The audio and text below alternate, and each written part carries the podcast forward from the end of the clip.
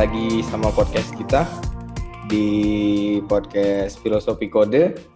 Hari ini kita di episode episode ketiga uh, dan episode ini agak spesial karena kita nggak uh, uh, ketemu langsung sama orangnya. Kita teleconference di episode kali ini sama seseorang yang jauh di sana. Mungkin bisa memperdengarkan suaranya dulu yang lagi di sana. Halo semuanya, apa kabar? Mungkin langsung kenalan aja kali. Yes. Oke, halo semuanya. Terima kasih Ego sudah mengundang di acara yang cukup populer. Katanya. Waduh. Baru tiga episode Pak, populer dari mana Pak?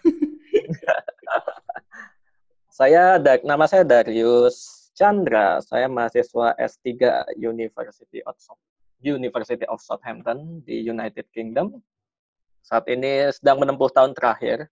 Doakan semoga lulus tepat waktu. Yeay. Dulu teman sekelasnya Mas Ego nih, waktu S2.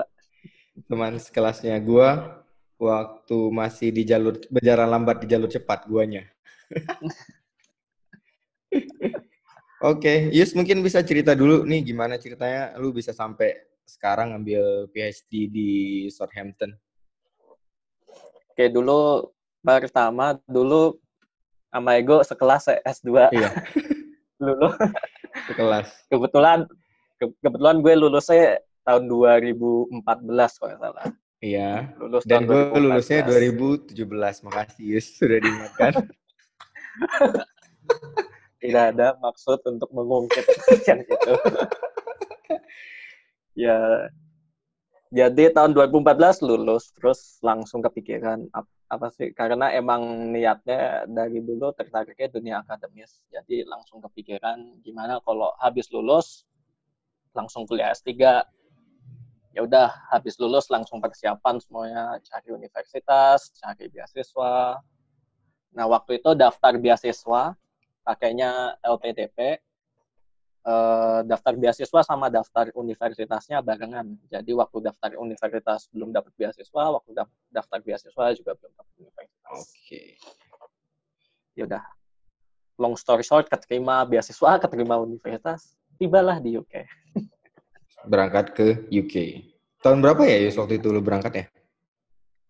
Berangkat 2015 2000... bulan September. Jadi ada gap setahun dari lulus master 2014. Berangkatnya di 2015. 15. Oke. Okay.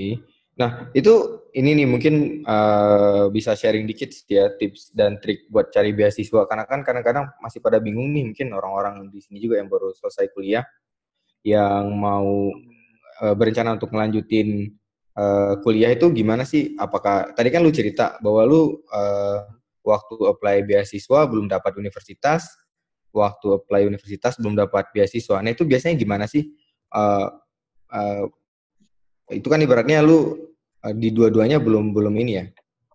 Normalnya kayak gimana sih? Bagusnya kayak gimana sih ketika orang mau apply untuk uh, coba cari uh, sekolah keluar dan cari scholarship itu better gimana?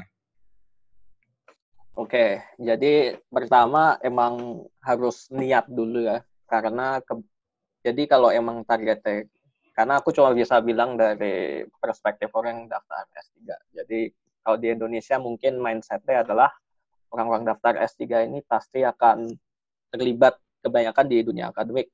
Jadi karena yeah, dari awal udah niatnya, oke okay, mau dunia akademik, langsung pikirannya lulus kuliah tanpa babi bu langsung persiapan daftar S3 jadi aku nggak bisa uh, ngasih tips seperti ini untuk yang mungkin untuk mahasiswa S2 yang habis itu mau masuk industri. Agak beda. Beda jalurnya ya beda tahapannya juga. Agak ya agak beda juga. Jadi kalau kalau tips untuk daftar S3 mungkin itu aja uh, up to date kalau kan ada permintaan untuk bikin riset proposal riset. Jadi kayak apa sih yang lagi hits atau apa dan apa sih lagi hits dunia di bidang riset sekarang? Cari universitas yang baik. Cari riset group yang tepat karena banyak orang cuma uh, apa sih targetnya universitas bagus tapi di universitas tersebut tidak ada riset yang dicari. Jadi agak untung-untungan antara apa karena bidang riset untuk S3 itu super agak super spesifik. Spesifik banget ya. Jadi ya jadi nyari supervisor atau calon pembimbing S3 itu mungkin lebih diutamakan. Jadi oh. carilah profesor yang kayak rockstar di bidang riset tersebut. Syukur punya kayak syukur-syukur keterima dan punya backup. Jadi jangan kalau aku untuk sekali lagi kalau gue kebetulan kayak super hoki kayak daftar beasiswa pertama kali keterima daftar universitas pilihan pertama keterima. Tapi dalam kebanyakan kasus mungkin kayak daftar di universitas pertama tidak diterima jadi jangan menyerah daftar kayak harus punya backup plan daftar ke universitas kedua dan selanjutnya. Gitu aja sih kalau tipsnya. Jadi sebenarnya yang paling penting kalau untuk dalam konteks cari beasiswa S3 itu pertama carilah profesor dulu ya, profesor yang sesuai sama iya. yang research yang dipengen gitu. Yes. Baru habis itu dari situ uh, akan menyesuaikan gitu. Nah, banyak gak sih iya. kejadian di mana dia udah dapet scholarshipnya, terus tapi tiba-tiba dia nggak bisa nemu kampus yang cocok gitu, atau kampus yang mau nerima dia. Ada nggak sih lu pernah dengar cerita kejadian kayak gitu? Dengar dan ada beberapa, nggak cuma satu dua, beberapa udah banyak kasus di mana beasiswa diterima dulu, tapi habis itu kalau LPDP dulu kewajib, aku kurang update tentang kebijakan yang sekarang. Dulu hmm. ketika dapat beasiswa beri waktu satu tahun untuk daftar universitas. Nah itu banyak kejadian, banyak kasus yang ditemui, yang orangnya bahkan aku kenal sendiri, gue kenal sendiri yang dalam waktu satu tahun itu bahkan tidak bisa nembus universitas mana pun. Jadi emang kok menurut menurut opini pendapat pribadi mending secure securein kayak amankan dulu posisi di universitas ya. Baru habis itu cari sumber pendanaan. Oh. Karena yes. Kalau karena kalau emang lo kandidat S kayak kandidat doktoral student yang baik, kayak pasti ada jalan untuk nyari funding. Iya. Entah dari kampus ya, entah dari dalam negeri, entah dari mana pun. Karena sebenarnya apa namanya uh, beasiswa itu lebih banyak dan lebih ya istilahnya opportunity-nya lebih banyak lah ya dibanding kampus. Dan iya. orang yang ngasih beasiswa pun biasanya bakal lebih mudah ketika uh, lu sudah dapat kampusnya gitu kan. Iya. Oke. Kalau aku sebagai pemberi beasiswa juga kayak oh, kayak orang oh, kayak anak ini udah dapat kampus nih kayak. Jadi kayak gue ngasih beasiswanya kan juga lebih kayak, apa sih lebih terjamin. Iya, sip sip. Nah, terus kalau uh, bicara LPDP sendiri nih, itu lu beasiswanya apa aja sih uh, yang di ini yang di cover sama LPDP-nya? Beasiswanya cukup lengkap sebenarnya. Kalau di mau di compare dengan beasiswa lain, mungkin LPTP agak sedikit di menengah ke atas. Oh. Karena yang di cover biaya bulanan, terus ada yang namanya settlement allowance. Jadi waktu pindah pertama ke negara tujuan, itu kan biasanya biayanya hmm. jadi lebih tinggi karena kayak pindah rumah, beli baju apa beli beli baju beli beli kostum untuk winter misalnya kan itu yeah, iya, lebih yeah. mending beli di sini daripada beli sepatu, beli perlengkapan kan apa kantor, beli macam-macam. Beli bantal. Nah, itu ada settlement allowance juga dari LPDP. Kalau punya keluarga juga ada family allowance. Berarti aman lah ya, ya untuk uh, mungkin orang aman kok. yang udah berkeluarga mau coba uh, cari beasiswa lagi untuk uh, ke jenjang pendidikan yang lebih lanjut. Sebenarnya LPDP uh, bisa cover sekalian sama keluarga berarti.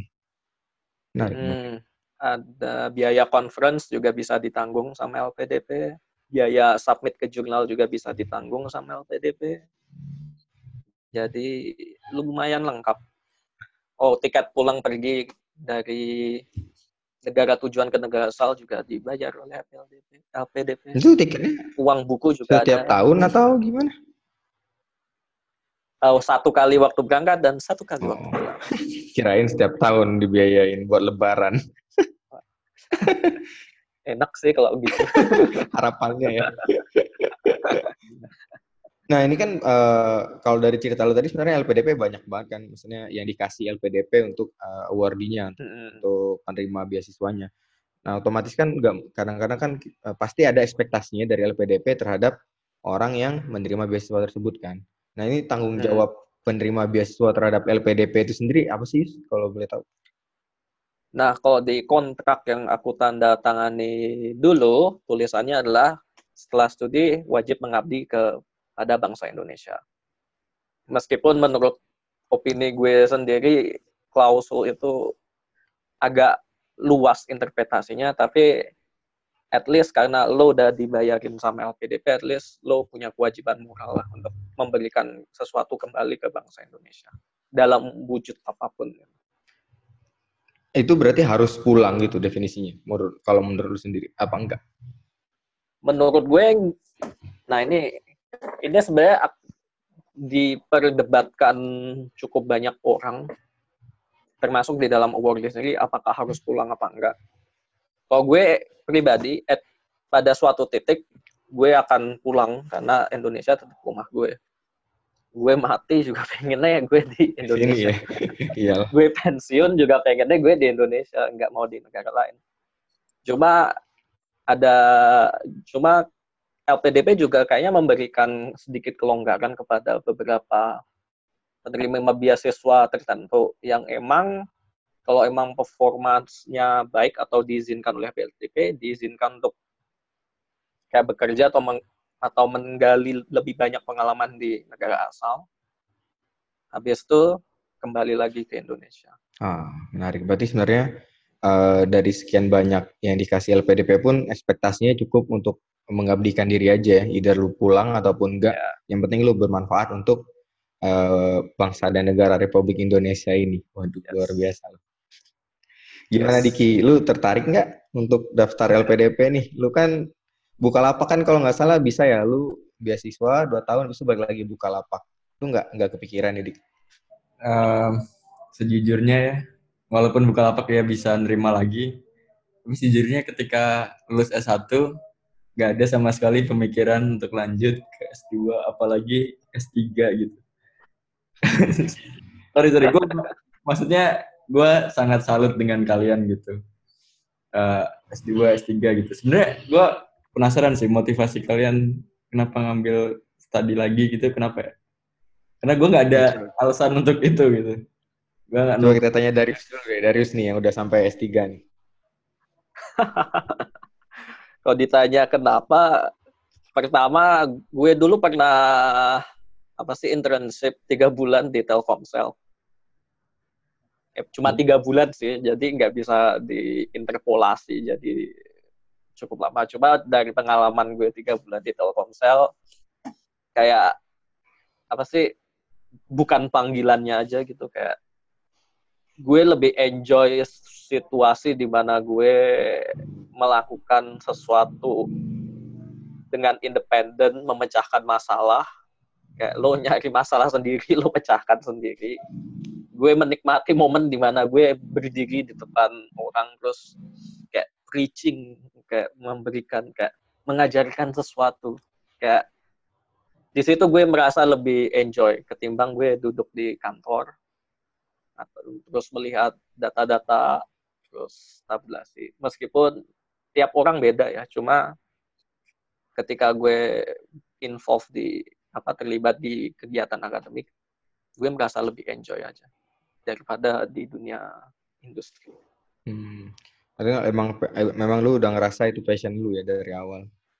Dan iya. lu juga emang uh, yang gua tahu sih uh, si Darius ini emang dari zaman kuliah itu udah sangat aktif di lab, uh, nulis papernya juga sangat aktif udah dari zaman-zaman S1 kali ya Yus ya udah, lu udah kayak gitu ya. Iya, udah dari udah S1 deh. udah anak nongkrong banget lah pokoknya. Yang kalau gua nonton uh, Koreanya di kosan, dia nonton Koreanya di lab. Tapi tetap sama-sama nonton Korea ya. Sama-sama nonton Running Man. Ya, cuma beda lokasi. yeah. Nah kalau kalau gua sendiri sebenarnya uh, mungkin kalian berdua tahu banget ya, gua orangnya oportunis sekali kan. Nah karena gua dapat tawaran untuk beasiswa, waktu itu ya udah gue ambil sesimpel itu doang kalau gue kenapa akhirnya gue mutusin untuk ngambil S2 dan kalau untuk S3 ya itu kan di Indonesia ini mindsetnya adalah ketika lu S3 maka lu akan terjun ke bidang akad akademik. Uh, untuk terjun ke industri kayaknya di industri di Indonesia itu belum cukup siap untuk menerima. Makanya itu salah satu alasan nama akhirnya gue stop cukup sampai S2 aja. Gak tau nih, tapi kata Sidiki sekarang di Bukalapak lumayan banyak untuk terima alumni-alumni S3 dari luar ya. Iya, ada beberapa PSG yang uh, masuk ke Bukalapak. Barangkali dari setelah lulus ya. Bukalapak udah ada quantum computer ya, bro. nah, nah, nanti bisa dibicarakan lah. Nah, ini lu udah nyinggung nih. Quantum computing. Kenapa lu bisa kepikiran quantum computing? Dari sini jurusan apa? Nah, itu tiba-tiba ngebahas quantum computing. Iya. Di sana subjek penelitian lu apa ya di di kampus lu sekarang untuk PhD lu? Oke. Okay. Jadi kalau PhD saya ini di nama departemen departemennya Electronics and Computer Science. Nama riset grupnya adalah Next Generation Wireless Research Group. Oh. Untuk bidang penelitiannya, kayak topik penelitiannya seputar quantum information and quantum computation lebih spesifiknya lagi quantum error correction codes. Oke. Okay. Terlalu banyak buzzword. Uh, iya. udah mulai roaming kita berdua ini pakainya Pak. Tugas interviewernya nih menggali lebih banyak.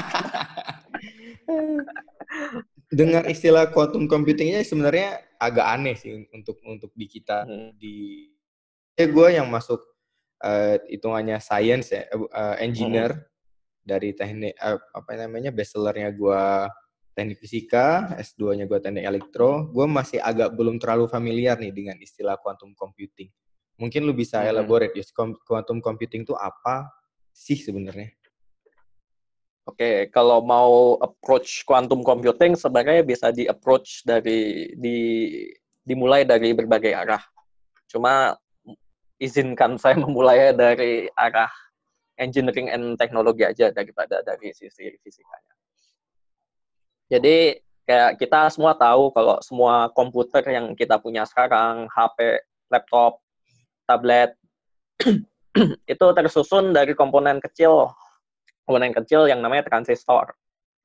Nah, transistor itu kan sebenarnya fungsinya cuma seperti apa sih elektrik apa sih switch 01 hmm.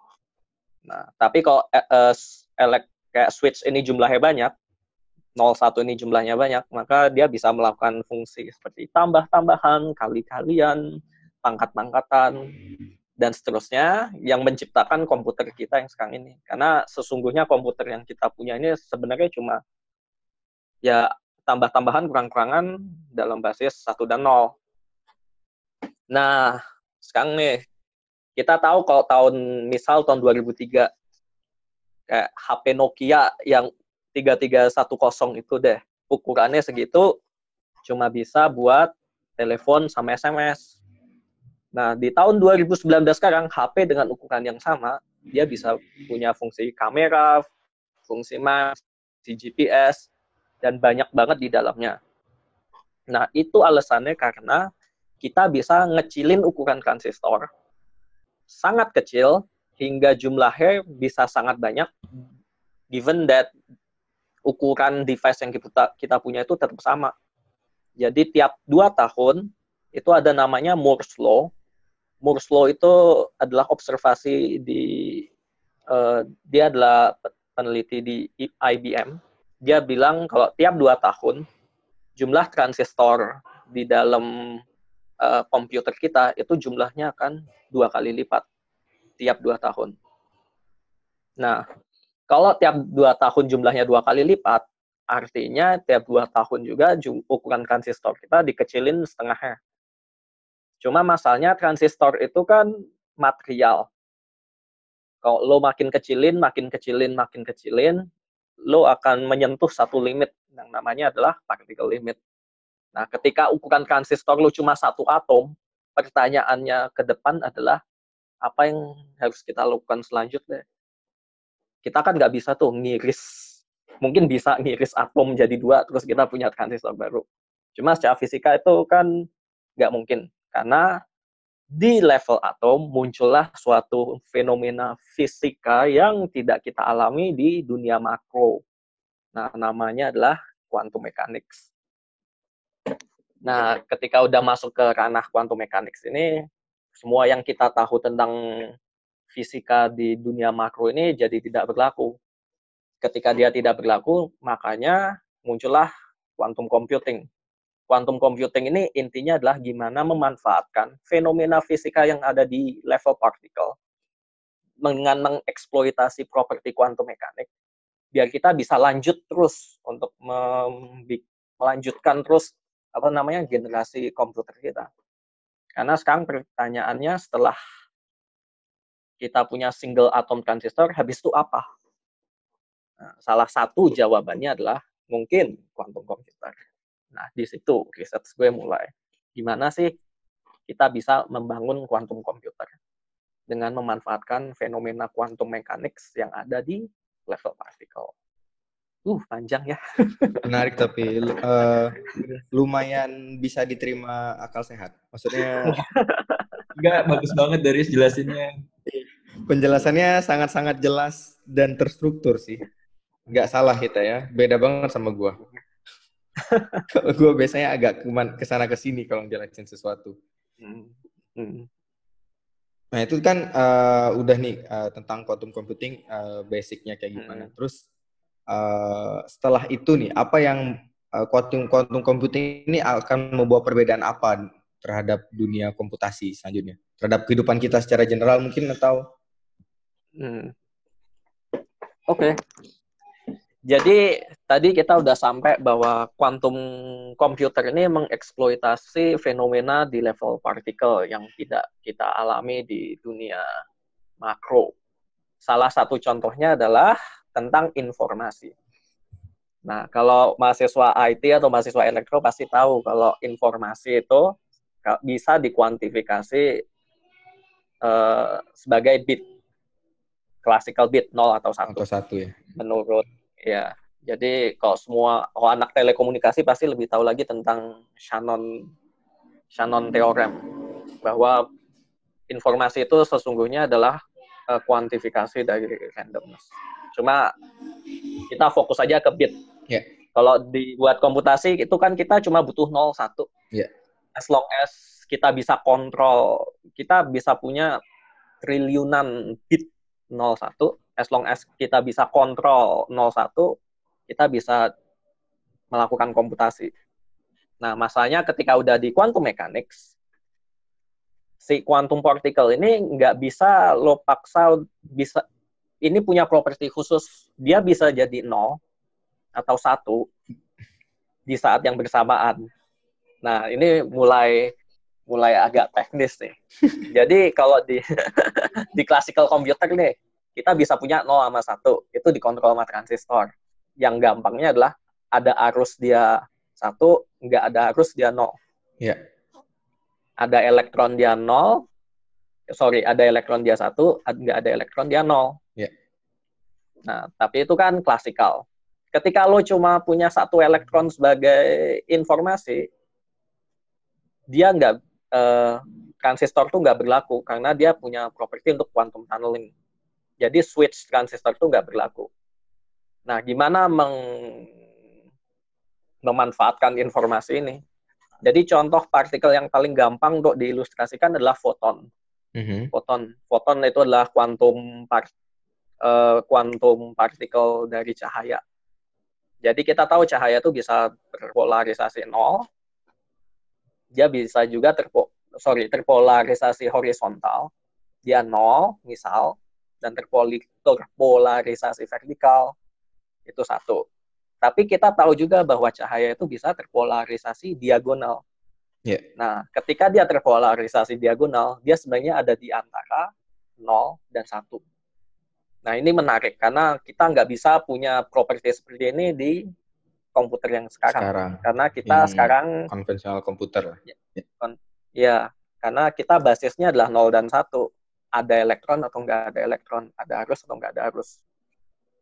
Nah, kalau udah masuk ke dunia partikel, kita bisa punya nih yang namanya superposisi antara 0 dan 1. Nah, menariknya adalah kalau 0, nah, satu foton nih, satu informasi dalam satu foton nih, kita bisa sebutnya quantum bit atau qubit. Qubit, ya. Satu qubit itu bisa 0 dan 1 dalam satu waktu secara simultan. Nah, yang jadi menarik adalah kalau kita punya lebih dari satu quantum bit, lebih dari satu qubit. Misal punya dua qubit atau tiga qubit. Kalau satu qubit dia bisa 0 dan 1, kalau punya dua qubit, kita bisa punya 00, 01, 10, dan 11. Nah, kalau kita punya tiga qubit, kita punya 000, 001, 010, sampai 111. Nah, kalau udah bisa lihat trennya, kalau kita punya 50 quantum bit, mm -hmm. kita punya informasi setara dengan 2 pangkat 50 classical bit. Jadi kalau nggak tahu seberapa banyak 2 pangkat 50, 2 pangkat 50 itu setara dengan jumlah butiran debu yang kita punya di, di seluruh planet bumi. Jadi dengan 50 quantum bit, kita punya kekuatan komputasi yang katanya setara dengan dua pangkat 50 classical bit. Classical bit. Wah, berarti itu bakal jadi super fast banget ya pemrosesingannya. Pemrosesingannya. Aduh sampai kebelibet gue ngomong. Gara-gara otak gue muter sana sih. Oh ya gitu.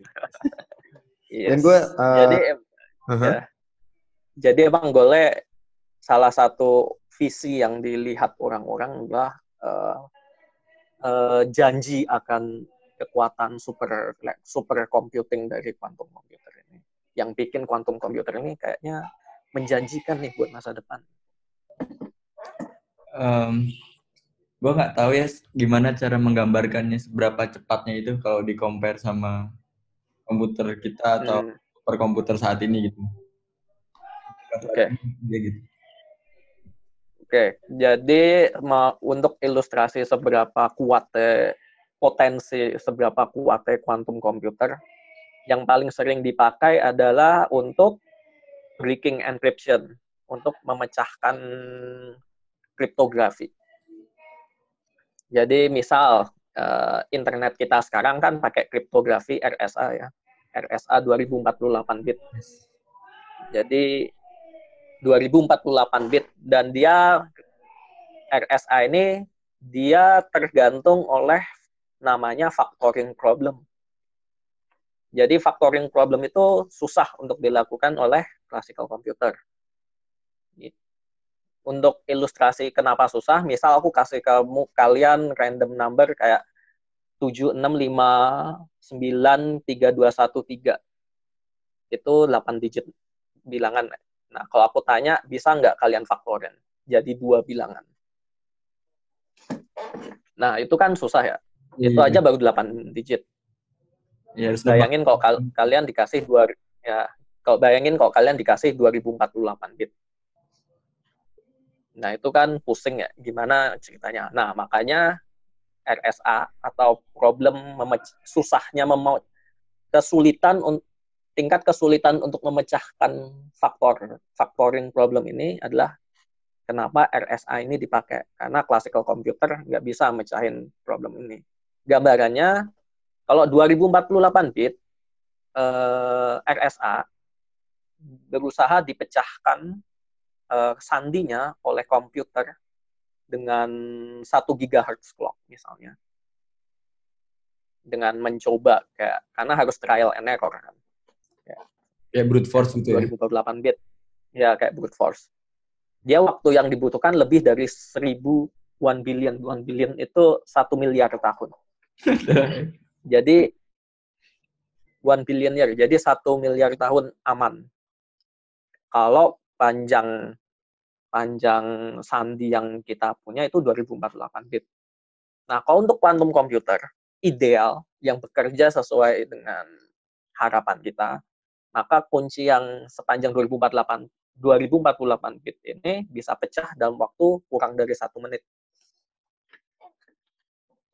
Jadi masalah yang susah buat classical computer, komputer yang kita punya, yang bakal diselesaikan dalam waktu satu miliar tahun, buat quantum computer dia butuh cuma butuh waktu sekitar satu menit. Berarti someday masalah encryption bakal jadi masalah dong kalau masih dengan cara existing gitu. Ketika udah masuk ke dalam uh, quantum computing, sistem enkripsi sekarang ini will not work anymore kan berarti? Yes, and mostly most. Kenapa most? Karena sekarang karena ada beberapa tipe enkripsi kan. Kalau RSA itu kan ada RSA, ada elliptic, ada Dili-Hifman. Nah, itu semua bakal pecah dengan quantum computer. Cuma ada juga kriptografi yang simetrik. Mereka nggak pecah, cuma emang uh, level sekuritasnya meneng. Dan sekarang juga ada cabang ilmu baru di kriptografi namanya post quantum kriptografi. Jadi berusaha mencari kriptografi model apa sih yang bahkan kalau quantum computer ada itu nggak bakal bisa dipecahin. Oke, okay, oke. Okay. Jadi yes. Nah, gue juga tadi uh, karena bertujuan untuk ngobrolan kita hari ini, gue cari-cari gitu ya tentang quantum computing. Hmm. Gue baca salah satu fungsinya juga nanti itu dia bakal lebih mudah dan lebih real untuk memvisualisasikan alam semesta kita gitu katanya sih yang gue baca gitu itu bener Oke. Okay.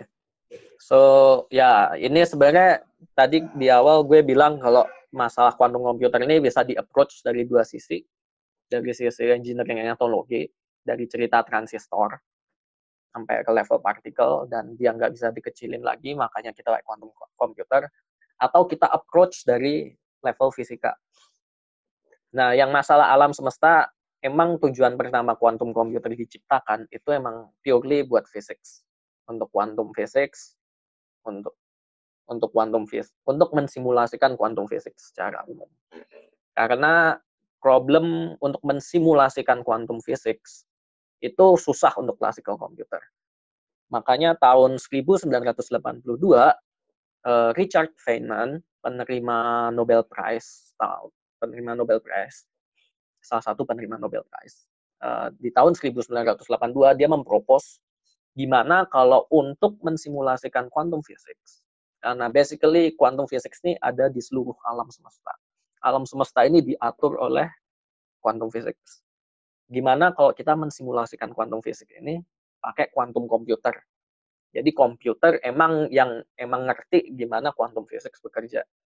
Karena waktu itu menggunakan komputer yang mereka punya, bahkan dengan komputer yang kita punya sekarang, untuk mensimulasikan apa yang terjadi di level kuantum, di level partikel, itu masih susah.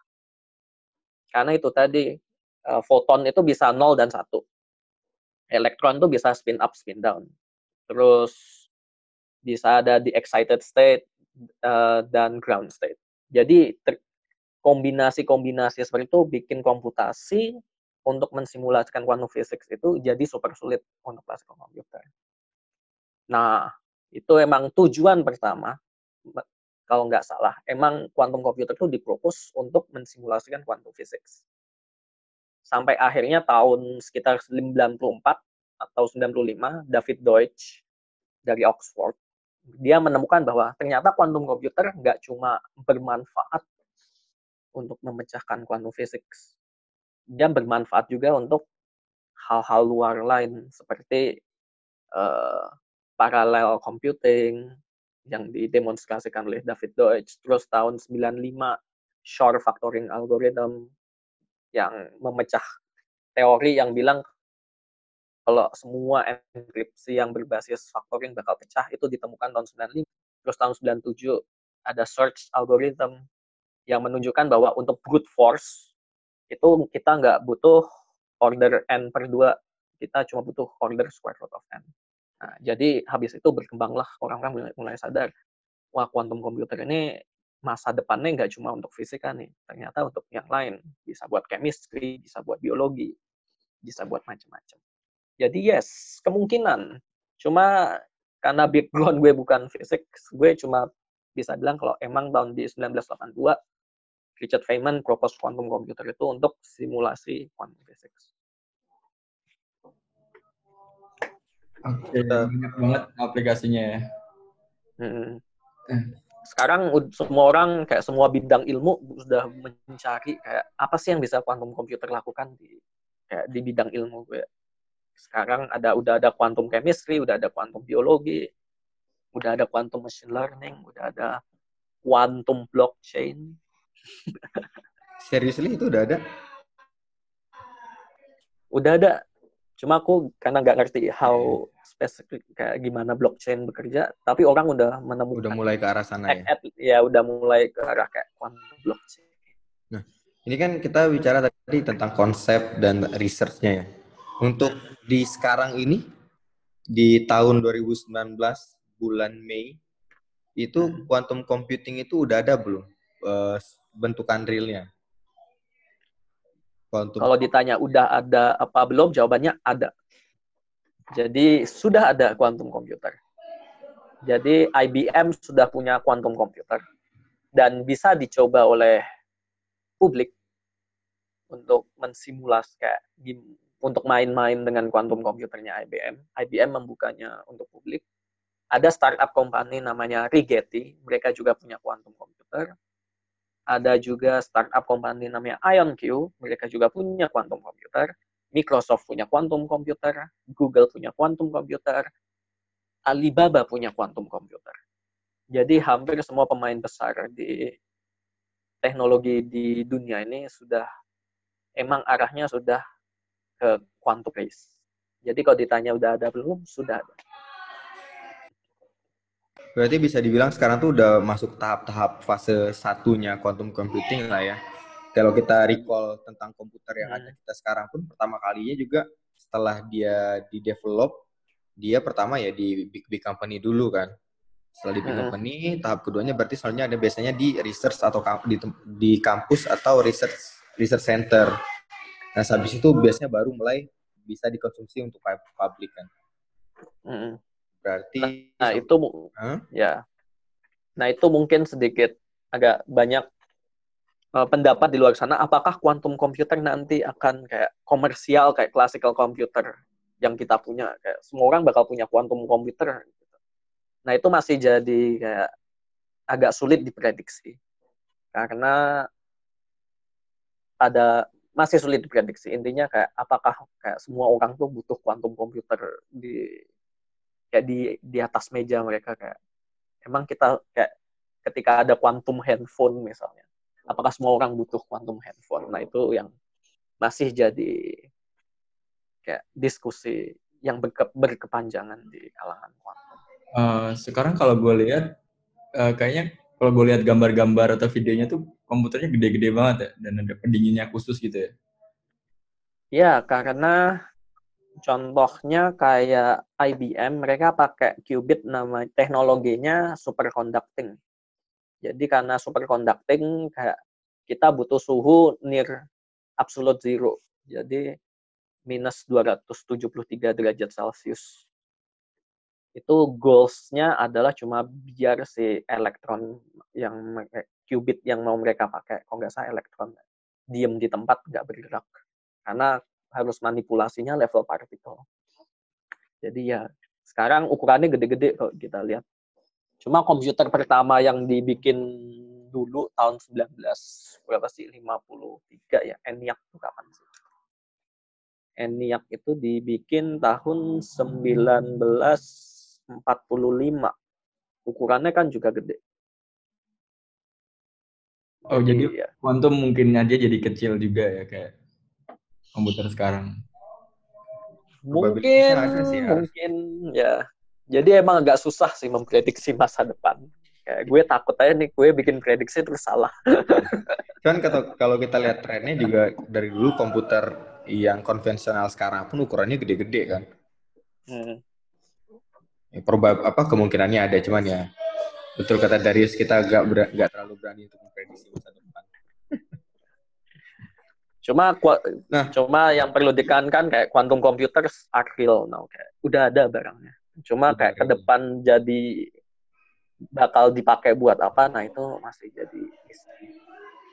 Berarti sekarang kalau gue bilang misalkan ah, IBM bisa ngeretas semua ah, yang punya quantum komputer basically bisa ngeretas semua enkripsi dong.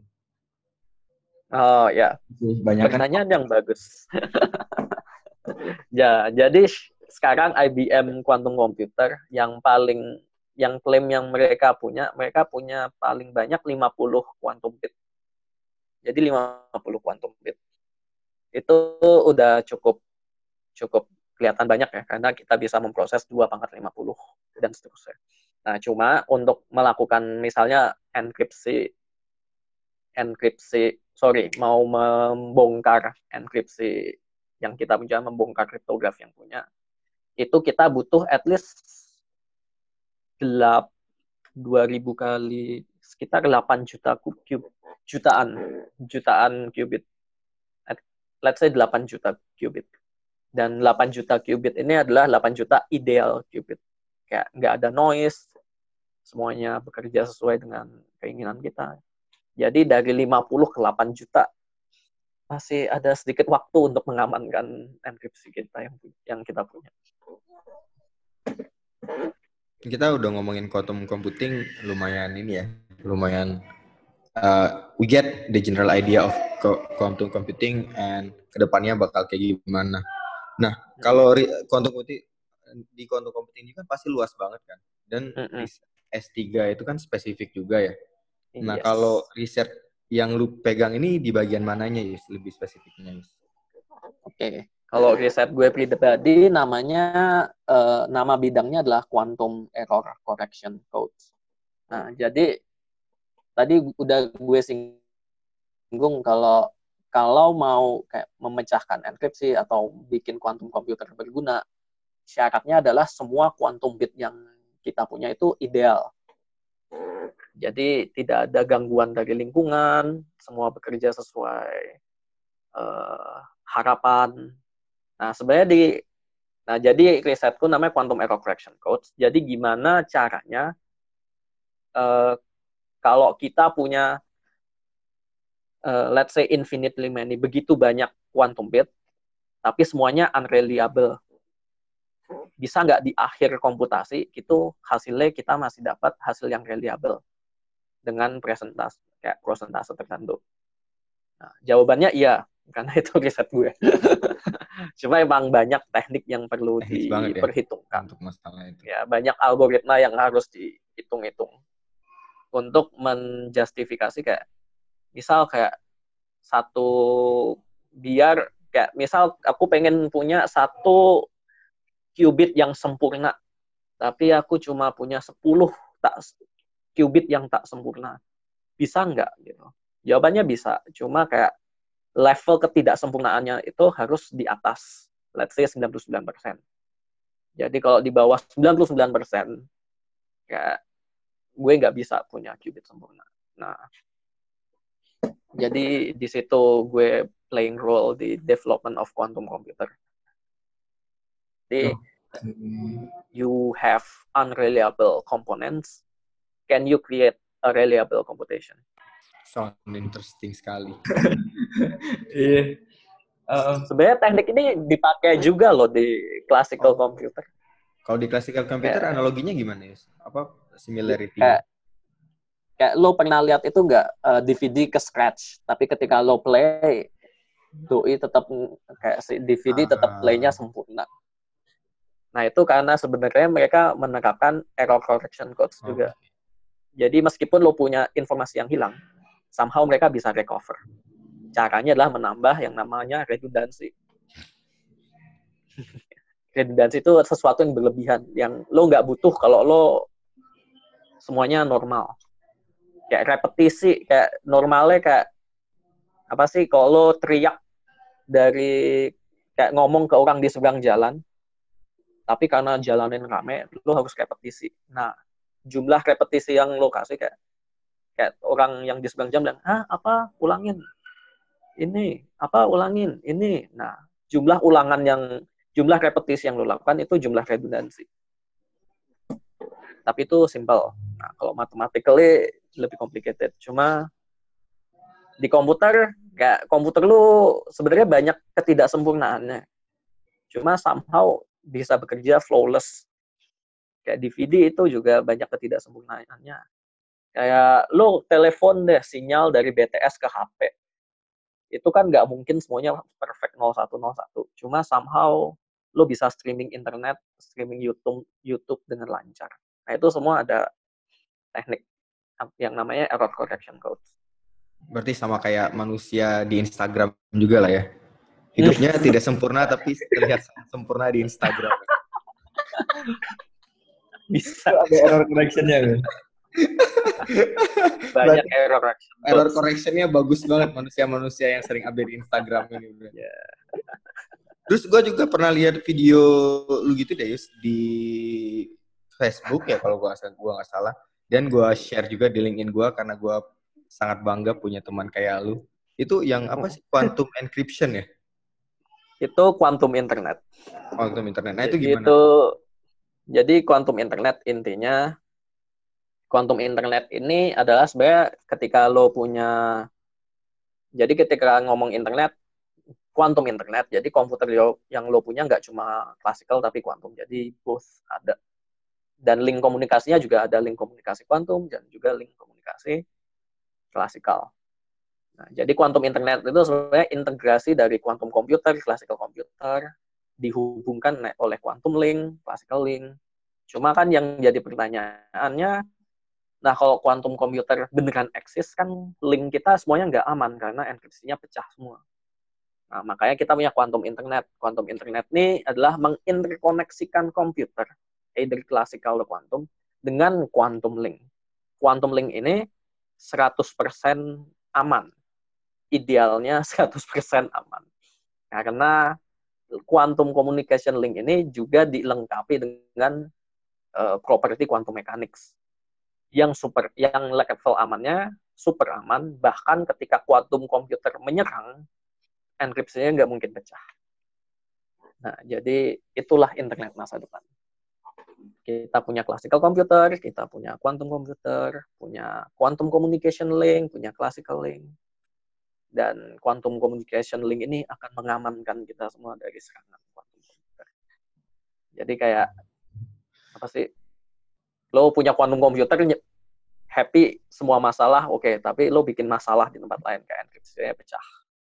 Tapi lo juga punya quantum communication di mana lo memproteksi masalah yang diperkenalkan oleh quantum computer diatasi oleh quantum property itu sendiri jadi indah sekali sebenarnya Benar sih, karena gue kalau benar-benar quantum computing itu udah masuk ke internet ya nggak ada lagi. Maksudnya kita nggak udah nggak bisa merasa aman lagi terhadap transaksi data yang kita lakukan kan? Kalau yes. nggak diatasi dengan itu lagi. Menarik. Yes. Menarik. Jadi ya, quantum communication itu juga menarik.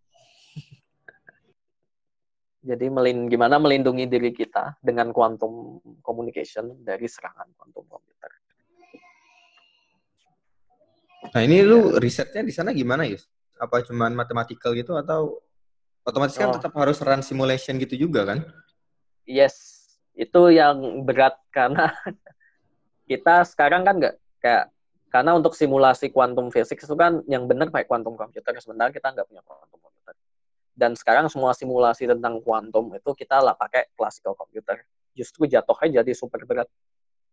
Karena expand kayak karena faktor apa sih scalingnya kan dua pangkat n. Jadi kayak gue punya 10 qubit misalnya mau simulasi 10 qubit. Jadi gue harus punya matriks ukuran dua kali dua pangkat 10 kali dua pangkat 10 jadi matriks yang harus gue proses 1000 kali 1000 jadi kalau mau sampai 12 qubit kayak 4096 kali 4096 jadi itu masalahnya kena. Jadi tapi kalau punya quantum computer masalah itu kelar karena quantum kom simula karena quantum physics emang harus disimulasikan oleh quantum computer karena emang jadi jatuhnya berat kalau mau mensimulasikan sistem kuantum dengan classical computer. Jadi yes ada analytical proses jadi gue hitung-hitung bikin algoritma rancang sistem terus ngetes saya apakah algoritma atau mekan apa skema yang gue rancang gue propose itu berjalan atau enggak, gue harus simulasi. Cuma so, sekarang simulasinya semuanya pakai classical computer. Hmm. Itu classical computernya berarti lu agak berat banget ya? Maksudnya ber berarti Oh, lu harus yes. ngelakuinnya di low level banget dong. Yes. Cuma di sini juga ada cluster sup- superkomputer. Jadi kayak jadi ya udah pakai superkomputer ya kampus. Hmm. Yang kadang time. Untuk superkomputer pun ini it, it takes time gitu loh. Lu itu untuk simulasinya pakai ini kan kita most of yang dengerin pasti banyak Hmm. developer-developer kan di Jakarta gitu. Eh, karena Yes. nah itu lu pakai bahasanya bahasa apa, Yus? Kalau sekarang gue kebanyakan C++. Jadi C++ untuk simulasi quantum system. Cuma sekarang banyak banget dan gue harusnya belajar sih. Banyak banget developer quantum yang pakai Python. Yang di prof yang library-nya di provide sama IBM karena IBM punya uh, quantum computer dan mereka develop library untuk quantum computer mereka. Jadi kayak kalau mau lo simulasi quantum system biar kompatibel sama quantum computernya IBM, nah itu pakai library-nya IBM. Python namanya Qiskit. Q I S K I T Qiskit. Nah itu Itu bahasanya Python. language-nya Python. Yes. Lebih high level dikit. Cuman itu ngaruh ke performance nggak? Dari segi yang bahasa Python-nya itu. Kan Python kalau kita di Hmm. dunia tech itu menurut gua salah satu bahasa yang paling lambat untuk memprosesan. Somehow salah satu temen gue di lab pakai Python, pakai Qiskit itu kayak so far so good kayak comparable sama C++. Cukup Ah. menarik sih. Gimana mereka optimisasi kayak Sangat low level ya. Kan. Iya. Kayak gue pakai C++ emang kayak harus belajar Python. deh. Lu Kayak kalau banyak- C++ ke Python gampang banget kali, Yus. So, kayak, tapi tetap harus belajar kayak. Karena kebanyakan library karena tadi kan banyak startup kayak Rigetti, Hmm. IonQ. Mereka punya kayak compiler untuk apa sih quantum computer mereka masing-masing. Ah, Dan library-nya kebanyakan mereka bahasa base-nya adalah Python. ah, jadi di compile lagi sama mereka ya. Iya. Menarik, menarik, menarik. Jadi yang IBM bisa dicoba tuh kalau ada yang tertarik. Boleh deh. Apa tadi namanya nama ininya? Qiskit. Yang dari Qiskit. Library-nya ya. Iya. Tapi kayaknya komputer gua nggak kuat. Kuat-kuat aja kalau cuma 2-3 qubit kan masih kecil. kalau udah 10 itu emang ada agak, Agak berat banget ya. So, kita udah bahas tentang itu. Ah, lu kan bentar lagi lulus nih, Yus, ya? Insya Allah. Di, Insya Allah. di Doakan ya. Insya Allah sudah PhD. Terus, what's Mhm. your plan next? Ja- ya, nyari kerja di Indo sama di luar. Kayak tergantung siapa yang buka duluan dan siapa yang cocok duluan. Oh ya, kalau di Indo berarti kemungkinan besar Ya. lu Kayak gue balik ngajar jadi dosen lagi. yes. Ah. Cuma agak jadi agak picky juga kayak nyari kalau ada opening yang super spesifik kayak dibutuhkan pengajar bidang quantum information and communication gitu. Kalau ada gitu kayak kayak mukjizat. Iya, itu terlalu spesifik banget juga sih sebenarnya. Masih masih Coba jarang, kan so ya. masih jarang banget Cuma- ya orang Indonesia ngomongin Iya. quantum. Ada beberapa sebenarnya peneliti kuantum di Indonesia. Cuma kebanyakan kayak kayaknya diakomodir di Department of Physics sama Department of Computing. Ah. Gue pribadi sih masih meng, karena kayak kom, quantum computing ini kan masih di level research by big company ya. Jadi sebenarnya kayak untuk buka kayak apa sih prodi atau buka spesialisasi di bidang kuantum kayak masih terlalu dini buat Indonesia. Cuma kayak pemerintah sebenarnya harusnya sudah mulai memperhatikan bidang ini karena kebany- karena beberapa funding research di bidang kuantum di luar negeri itu di fund sumber dananya adalah militer.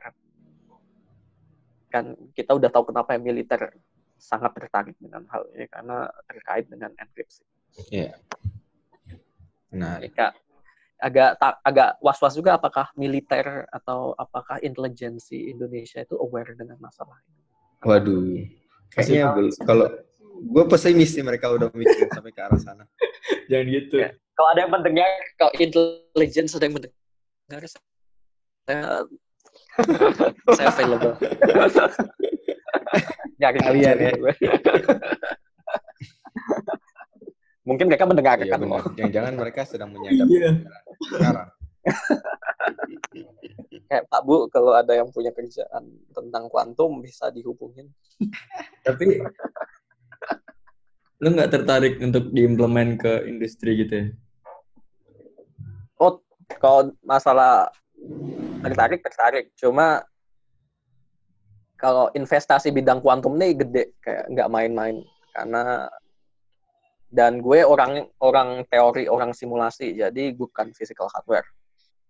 Gue siap membantu untuk siapa pun yang kalau more specific kalau di Indonesia ada company yang ber- kayak mulai kepikiran ya yuk kita bikin quantum computer gitu. Cuma nggak bisa cuma gue sendiri, harus ada tim yang kayak terlibat di bidang physical hardware, yang Hmm. ngerti fisikanya, gimana ngerti hardware yang ngerti, yang ngerti praktikal ya. Sementara gue kan orang teori, A- ada gap kayak kayak gue bisa nih nyiptain skema atau algoritma yang bikin quantum computer lo super reliable. Cuma kompon bikin komponennya gimana cuy kan? Iya, iya. iya. Soalnya kita ada ini tahu ini boleh di-share apa enggak ya? Kenapa tuh? Ini ngobrol aja ya. Kalau boleh ya. Eh, kita ada rencana untuk bikin kayak cluster GPU gitu buat running AI kita gitu, main machine learning macam-macam. Nah itu kalau kayaknya seksi banget kalau nggak jadi pakai cluster GPU tapi langsung ke lompat ke kuantum gitu. Boleh sih. Cuma masih cuma- agak panjang ya. agak ya agak panjang karena mungkin yang bisa dilakukan adalah pakai GPU itu kayak mensimulasikan quantum computer. Kayak kerjasama dengan research beberapa peneliti di Indonesia yang susah untuk terjun ke dunia kuantum karena li- punya limitasi di bidang itu. Karena kok punya cluster GPU dedicated itu kayak menarik juga untuk dipinjam. Boleh nggak sih numpang pakai? kayak susah nih simulasi quantum computer. Tapi kalau untuk quantum computer yang fully working untuk machine learning, karena emang ada yang namanya quantum machine learning, itu masih agak karena aku bilang tadi kayak untuk melakukan sesuatu yang useful, yang super power quantum computer kayak kita butuh jutaan jutaan quantum bit, nggak cuma 50 yang ada sekarang. Jadi mungkin ketika teknologinya kayak udah well established kayak wah bikin nih bikin quantum computer kayak 10 juta qubit. Nah, itu mungkin bisa dipakai untuk sesuatu yang berguna. Berarti passion lo memang masih benar-benar di sana ya, Yus ya? Di quantum. Sementara ini masih di quantum karena karena gue tahu quantum ini juga ketika mulai ketika gue daftar S3. Jadi masih empat empat tahunan gue belajar tentang quantum dan sekarang masih interest. Nggak tahu lima tahun lagi mungkin quantum computer ada, mungkin quantum computer nggak ada, terus perlu perlu cari nafkah ya belajar yang lain. Iya, gue Cuma sih detik yakin ya. ini- Lu, lu punya banyak knowledge yang lain juga sih. Machine learning, AI, yaitu udah gue tidak meragukan kemampuan lu di situlah. Karena tempat gue mencontek, ups, waktu kuliah kan. Aduh. Jadi kalau ada offer untuk project-project yang terkait hal-hal yang lain selain quantum computing, open juga nih, open juga lah Yus ya. open as ya sepanjang gue ngerti ya sepanjang gue ngerti apa yang kalau sepanjang gue bisa bantu gue sih siap-siap aja Oke deh. kalau buka lap, rasa kalau buka lapak banget. pengen dengerin quantum computing juga gue siap ngasih Waduh. Oke, siap-siap ditunggu pulang. Ya. Ditunggu balik ke Indo, ntar kita invite. Langsung lah. untuk ngasih talk di Jakarta tentang quantum computing. Ya. Eh, Oke, kalau boleh bisa gue simpulin tentang obrolan kita sama Darius malam ini, lumayan agak berat sebenarnya. Gue balik lagi Berat ke ini, masa, ini paling berat. gua balik lagi ke masa-masa kuliah gue yang dosen yang ngejelasin gue kayak "Eh, ini ngomong apa. Jadi tadi di awal kita udah dengar-dengar cerita Yus tentang LPDP, gimana bisa ngedapatin LPDP, tips dan triknya, serta benefit dan tanggung jawab eh, ketika lo udah mendapatin eh, beasiswa LPDP.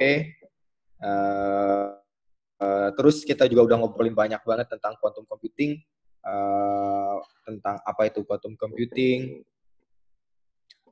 eh, terus resikonya apa ketika quantum computing itu masuk ke kita dan teknologi ke depannya kayak gimana dan ternyata quantum computing itu udah real exist sekarang udah ada.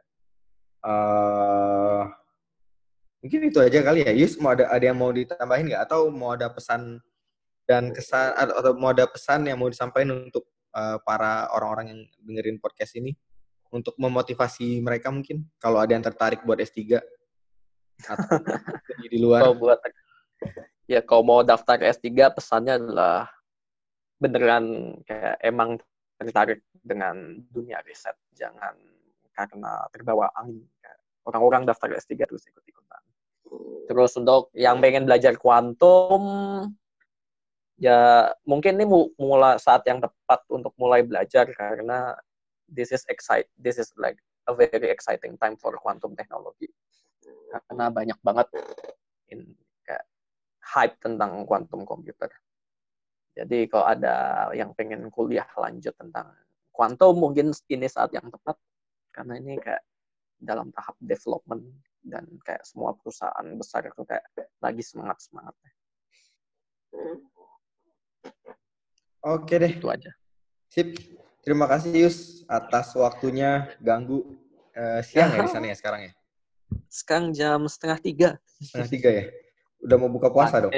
Buka puasa jam berapa buka Yus? puasa sembilan seperempat. Waduh, masih panjang. Ada enam, masih enam jam bapak. Waduh. Oke deh Yus, terima kasih atas waktunya. Hari ini mau lanjut ke kampus kan? Iya, mau ke kampus lagi bekerja. Lanjut bekerja. Semangat Yus. Dan semangat juga untuk lanjutin puasanya. Makasih banyak waktunya udah nyempetin ngobrol sama kita. Semoga Thank you juga obrolan udah diundang. Ya. sama-sama Yus. Semoga obrolan kita ini bisa bermanfaat bagi orang-orang para pendengar di luar sana. Oke Yus, terima kasih banyak. Bye-bye. Thank you semuanya. Bye. Bye.